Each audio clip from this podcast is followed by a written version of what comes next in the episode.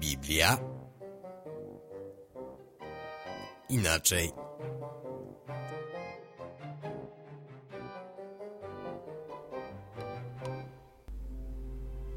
Dawno temu Lailonia graniczyła z niewielkim królestwem Gorgola.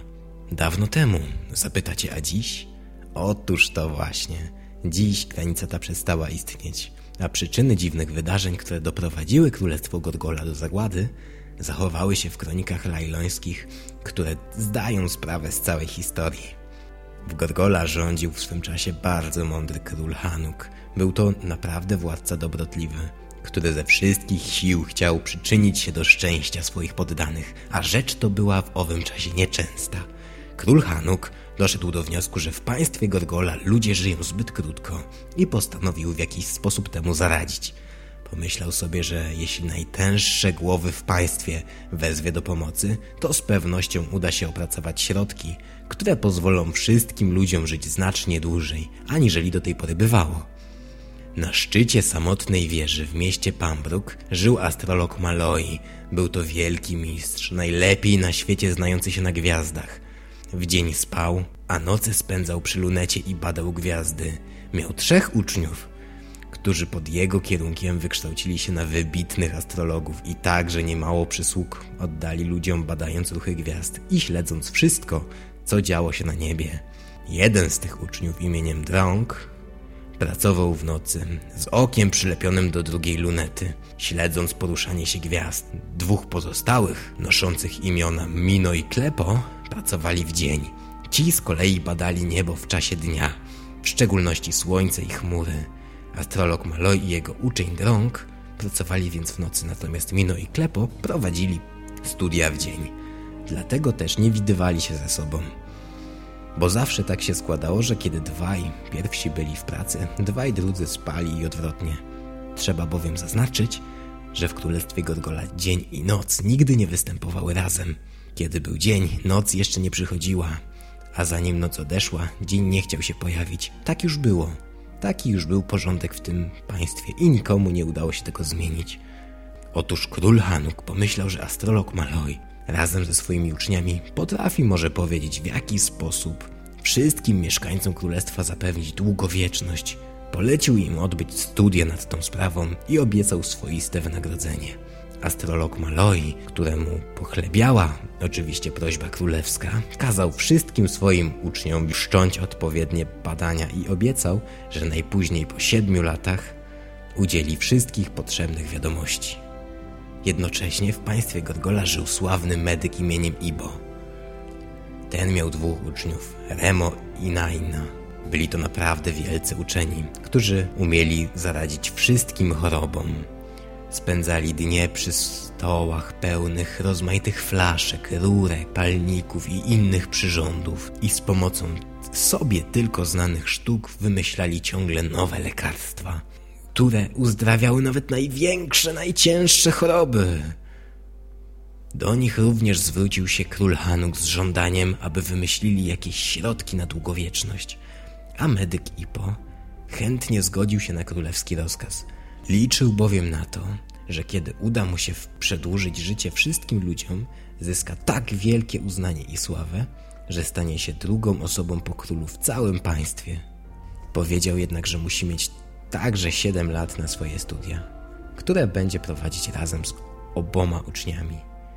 Tak więc czterech astrologów i trzech medyków zabrało się do wytężonej pracy, w wyniku której po siedmiu latach mieli ujawnić ludziom środki przedłużania życia.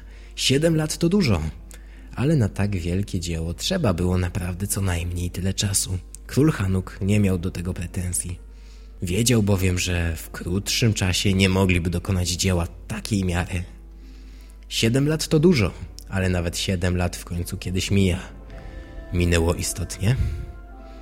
Dokładnie po siedmiu latach, w oznaczonym dniu, wielki teatr królewski był pełen gości. Elita kraju zjechała się na sensacyjne zgromadzenie. Siedmiu uczonych miało przedstawić wyniki swoich badań, które zapewnią ludziom długowieczność. Zainstalowano megafony na mieście, aby wszyscy mieszkańcy stolicy, którzy nie mieścili się w teatrze, mogli od razu słyszeć przemówienia, bo też Król Hanuk był tak bardzo dobrotliwym władcą. Kiedy więc sam król zapowiedział pojawienie się astrologa Maloi, burzliwe oklaski rozległy się w teatrze. Wielki astrolog wszedł na trybunę, postarzały o siedem lat i wygłosił krótkie przemówienie, gdzie podał najważniejsze wyniki swoich studiów. Wynalazłem sposób przedłużania życia wszystkim ludziom sześciokrotnie. Oświadczył od razu Maloi, a szmer uznania popłynął przez salę jak wiatr. Sposób prosty i niekosztowny ciągnął, a przy tym niezawodny. Zbudowałem mianowicie zegarek, który porusza się sześć razy szybciej niż zegarki używane obecnie.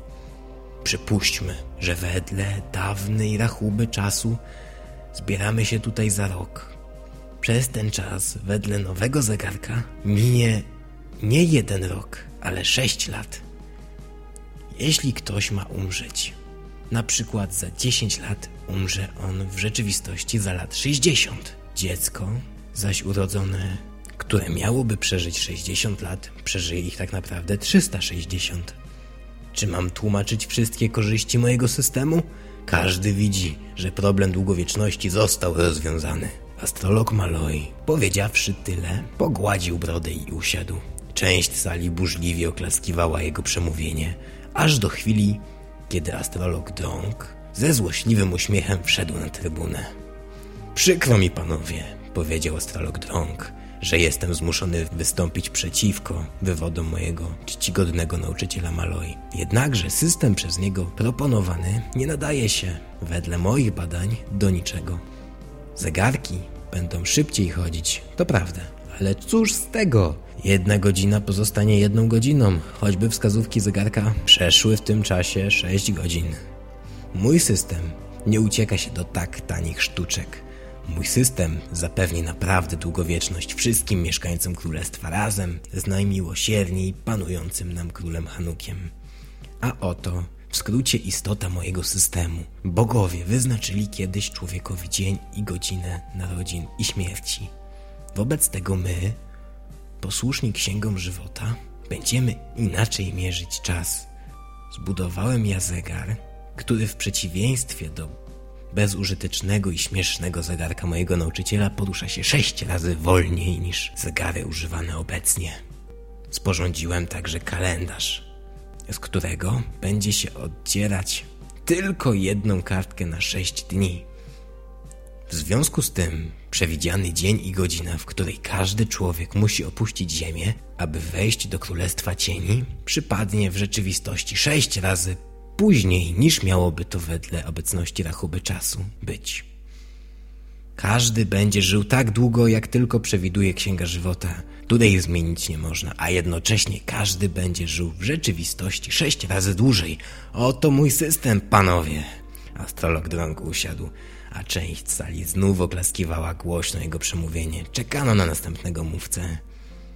Uczony astrolog Mino rozpoczął teraz swój wykład. Panowie, powiedział, sami mogliście się zorientować, że wywody moich przedmówców są bez sensu. Astrolog Drąg pokazał wam już, że system astrologa Maloi jest niedorzeczny, ale jego system jest równie głupi. I co więcej, bluźnierczy, albowiem polega na projekcie oszustwa bogów. Bogowie jednak oszukać się nie dadzą. A wam, panowie, nigdy nie przyjdzie do głowy, żeby podjąć dzieło tak przewrotne. Mój system jest zupełnie inny. Nie chodzi o to, żeby na zegarku lub kalendarzu czas płynął wolniej, lecz o to, żeby płynął wolniej naprawdę. Jak to zrobić? Bardzo proste.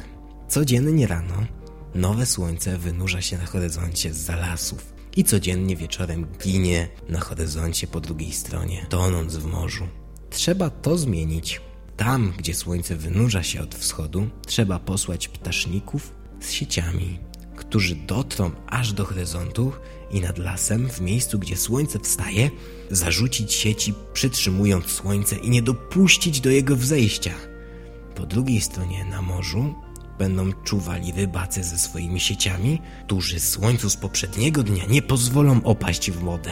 Czas tych prac obliczył się w ten sposób, aby dzień trwał sześć razy dłużej i sześć razy dłużej była noc. Po prostu życie nasze obejmuje zawsze pewną ilość dni i nocy.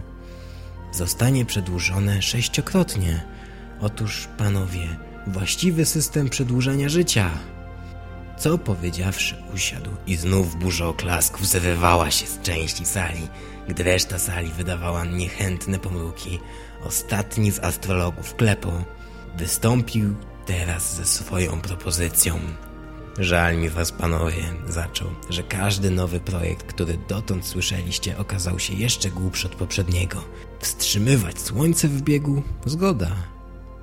Ale dlaczego miałoby to przedłużać życie? Będziemy żyli tak samo długo, jak przedtem. Tylko, że w naszym życiu będzie sześć razy mniej dni i nocy, a za to będzie one sześć razy dłuższe. Nie, panowie! Takie projekty, panowie, mogą służyć tylko do tego, żeby zamącić wam w głowie, ale wy sobie w głowach mącić nie dacie, nieprawdaż? Ja przedstawię wam wreszcie sposób, który opiera się na prawdziwych, głębokich studiach i nie ma nic wspólnego z szalbierczymi sztuczkami moich poprzedników. Badając sprawę długowieczności, podjąłem najpierw trud przekonania się, dlaczego ludzie żyją tak krótko.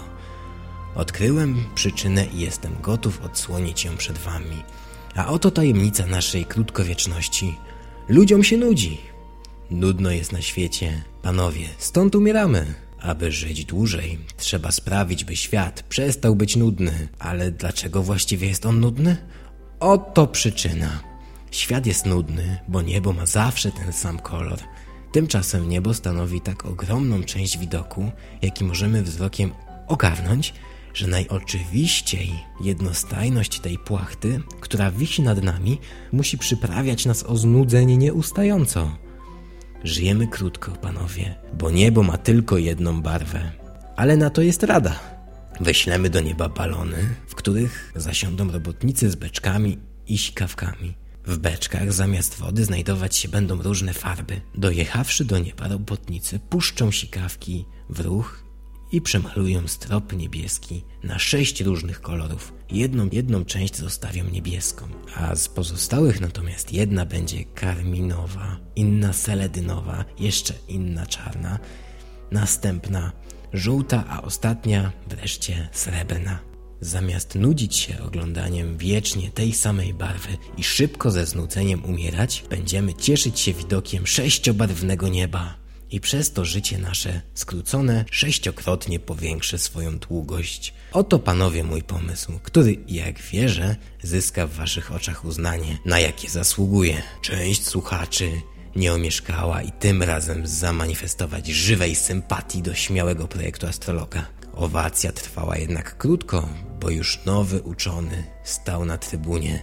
Tym razem był to sławny medyk Ipo, który oświadczył, Wysłuchaliście tutaj, panowie, takiej ilości absurdu, że nie zdziwiłbym się wcale, gdybyście teraz znużeni opuścili salę, w której nie spodziewacie się usłyszeć żadnego rozsądnego zdania.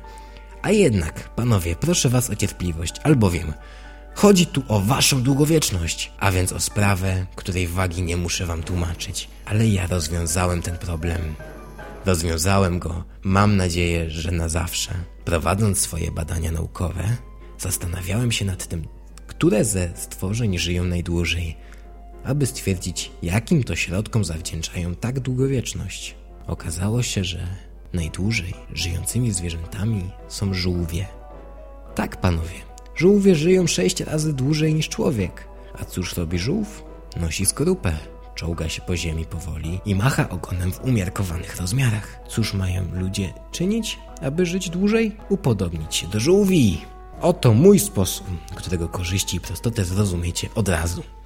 Trzeba nam, panowie, od razu teraz zaopatrzyć się w duże skorupy, odpowiednie do naszych rozmiarów, przestać chodzić na dwóch nogach i przyzwyczaić się do pełzania powoli na czworakach. Trzeba dalej przyprawić sobie ogony i machać nimi z umiarkowanych ilościach. Przyzwyczajmy się łatwo do tego życia. Tym bardziej, gdy cel tak wzniosły będzie nam przyświecał.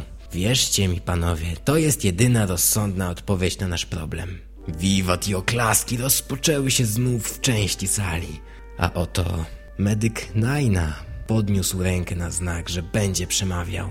Panowie, mogliście sami ocenić całą nędzę projektu, który wstyd mi powiedzieć, przedstawił wam przed chwilą mój szanowany nauczyciel Ipo. Chce nas zmienić w żółwie, bezmyślne czworonogi pełzające po ziemi. Mamy być zwierzętami, panowie?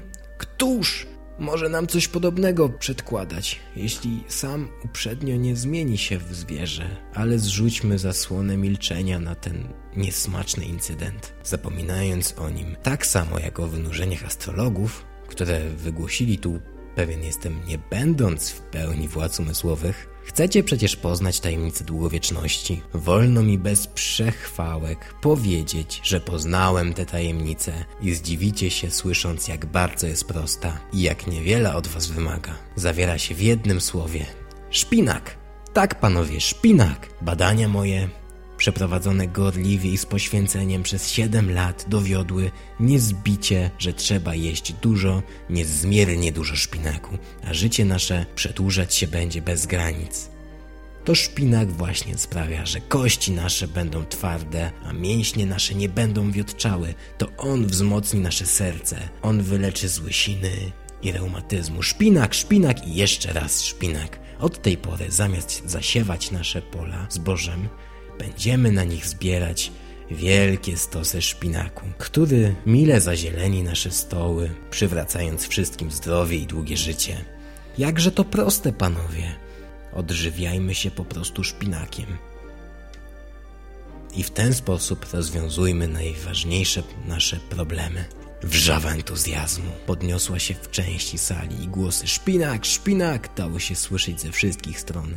Ale Oto stanął na trybunie ostatni mówca, medyk Ramo. Ręce mu się trzęsły z oburzenia, gdy rozpoczynał mowę, ale uspokoił się rychło. Nie pomylę się, panowie, oznajmił, przypuszczając, że te obraźliwe kpiny, bo tylko tak można to nazwać, jakieśmy usłyszeli od mojego przedmówcy, potraktujecie tak, jak na to zasługują, to znaczy nie wspominając już o nich w ogóle ani słowem. Doprawdy, panowie, czy zdarzało wam się widzieć, jak dzieci karmione szpinakiem odnoszą się do tego jadła? Odwracają się ze wstrętem do tej potrawy i trzeba je zmuszać do jedzenia, albowiem zdrowa natura mówi im, że żadnego pożytku nie odniosą ze szpinaku, ze spożywania tego obrzydliwego zielska. Haha, szpinak Powiedziałbym wam coś więcej na ten temat, ale przecież mamy mówić o długowieczności. Nie traćmy więc czasu. Nawet wiedząc o tym, że czasu będziemy mieli już rychło pod dostatkiem, będziemy go mieli pod dostatkiem, powtarzam, jeśli tylko zastosujecie się do radykalnego środka zapewniającego długowieczność, a, od, a odkrytego przeze mnie po długich dociekaniach i doświadczeniach. Prostota tego środka przewyższa wszystko, co można sobie wyobrazić. Otóż zdradzę wam, panowie, tajemnicę długowieczności. Ludzie giną zbyt wcześnie, dlatego że często chorują na katar. Katar. Oto główne źródło krótkości naszego żywota. Katar, jak wiecie, jest to choroba nosa. I tu od razu nasuwa wam się rozwiązanie. Gdzie nie ma nosa, tam nie ma również kataru. Panowie, jakże to proste. Ucinamy sobie wszyscy nosy. W ten sposób raz na zawsze pozbędziemy się kataru, a tym samym mamy zapewnione długie życie. Ucinać nosy, powiadam. Ucinać nosy. Mówiąc to Endygramo, wyjął brzytwę i chciał pokazać w jaki sposób najlepiej uciąć sobie nos. Ale nie zdążył jednak, ponieważ wśród słuchaczy wszczął się tumult i zgieł, który rychło przerodził się w powszechną bójkę. Dopiero teraz okazało się, że sala była podzielona na obozy. Jedni krzyczeli szpinak, szpinak, inni szybkie zegarki, jeszcze inni wolne zegarki, inni nosy ucinać. I tak zwolennicy każdego proponowanego środka długowieczności zaczęli krzyczeć na siebie i wszczeli bójkę, w której nawet głos króla Hanuka, wyzywającego do opamiętania tonął w powszechnej wrzawie. Co więcej, wszystkie przemówienia były już znane w całym mieście, gdzie słyszano je przez megafony. W jednej chwili stolica była tak samo podzielona na siedem stronnictw, jak uczestnicy zebrania teatrze i walka stała się powszechna. Tegoż dnia wojna domowa ogarnęła cały kraj. Siedem stronnictw walczyło ze sobą bezlitośnie. Ciekawe było, że zwolennicy ucinania nosów biegali z brzytwami, starając się ucinać nos komu można z przeciwnych obozów, ale sami nie zdążyli sobie wcale poobcinać nosów, mieli je wszyscy na właściwych miejscach. Walka stała się powszechna. Gdziekolwiek w kraju Gorgola było choć siedmiu ludzi. W mniejszej wiosce rozgorzał bój. Sprawa była przecież doniosła. Wszyscy ludzie chcieli być długowieczni. I nie można się dziwić, że tak zawzięcie występują w obronie tej sprawy. Nieraz więc na przykład szedł ktoś ulicą wołając szpinak, szpinak, a zaraz rzucało się na niego kilku innych z okrzykami niebo malować, nosy ucinać, żółwie, szybkie zegarki, słońce i brali go w obroty.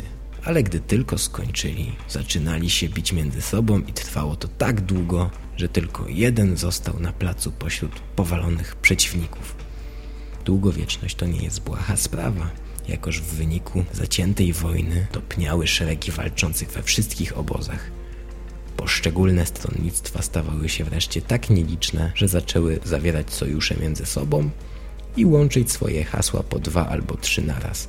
Tak więc wykrzykiwano teraz hasła podwójne. Zegarki i szpinak, niebo malować i nosy ucinać, żółwie i słońce. Mordercza walka ciągnęła się tak długo, aż z całego królestwa Gorgola pozostało tylko dwóch ludzi – byli to medyk Ramo i medyk Naina.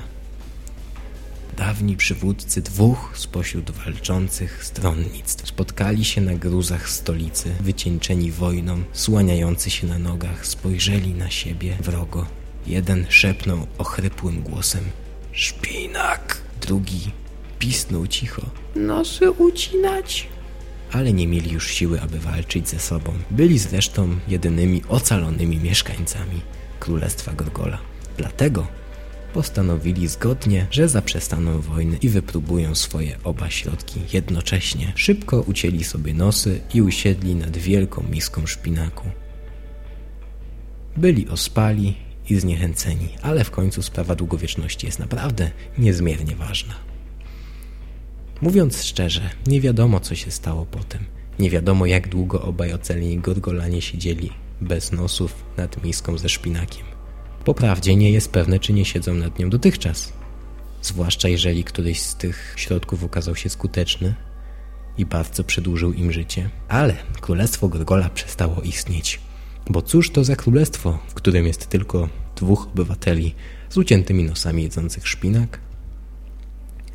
W ten sposób granica między Lailonią a królestwem Gorgola przestała istnieć. Sprawa długowieczności nie została ostatecznie rozstrzygnięta na skutek całkowitego upadku Królestwa Gorgola. Nie jest jednak wykluczone, że kiedy uda się wreszcie rozwiązać ten problem, nad którym biedziło się siedmiu tak wybitnych uczonych. Także to była bajka pod tytułem Jak rozwiązano sprawę długowieczności. A u nas? U nas jest trochę na odwrót. Zauważyliście, że w tych moich opowiadaniach zwykle wszystko jest na odwrót? No. E, u nas ludzie kiedyś żyli bardzo długo, teraz żyją krótko. U nich chcieli być odwrotnie. Ale jak to było u nas? E, no cóż, ja się tak zastanowiłem, jakie Bóg ma w ogóle poglądy na długowieczność ludzi? Jak to było z tym skróceniem wieku człowieka? Życie wieczne? Ale nie na ziemi przecież. Dane człowiekowi jest raz umrzeć. I pamiętajmy o tym. Na początku ludzie żyli po około 912 lat, tak? Bo to co, na przykład Set 912 lat żył, tak? Enosz 905, Kenan 910, Henoch 365, Matuszelajach 969 lat i Noe 950 lat. No ludzie, więc uważam, że Bóg do naszej długowieczności nie miał zamiaru być nieprzychylny, ale skrócił Bóg czas życia człowieka do 120 lat. Jak to było? Nie będzie się wadził duch mój z człowiekiem na wieki, gdyż jest ciałem i będą dni jego 120 lat. I to jest w pierwszej księdze Mojżeszowej 6.3.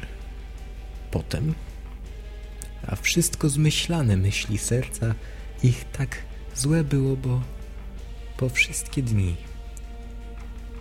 To jest dwa wersy dalej. Żałował Pan, że uczynił człowieka na ziemi i bolał w sercu swym. To jest jeszcze następny wers. I rzekł Pan, wygładzę człowieka, którego stworzył, z oblicza ziemi, od człowieka aż do bydlęcia, aż do gadziny i aż do ptactwa niebieskiego. Bo mi żal, że mnie uczynił. Ale Pan przygotował dla nas coś lepszego niż życie tutaj. A mówiąc o tym, a mówi o tym na przykład trzeci rozdział Ewangelii aby każdy, kto weń wierzy, nie zginął, ale miał żywot wieczny. Dokładnie piętnasty werset. Tak więc możemy się tylko cieszyć, bo pamiętajcie, że przecież dane jest człowiekowi raz umrzeć, a potem sąd, a potem wieczność. Ja jestem Waldek Graban, to jest Biblia inaczej. Ty jesteś pewnie na odwyku prawdopodobnie. A ja się cieszę, że tu jesteś, cieszę się, że posłuchałeś. Możesz sobie skrobnąć komentarz, ustosunkować się jakoś do tego, co powiedziałem, do historii. Bardzo mnie to cieszy i fajnie możesz pisać, wspierać. Potrzebuję tego. Dobra. Cześć. Do środy.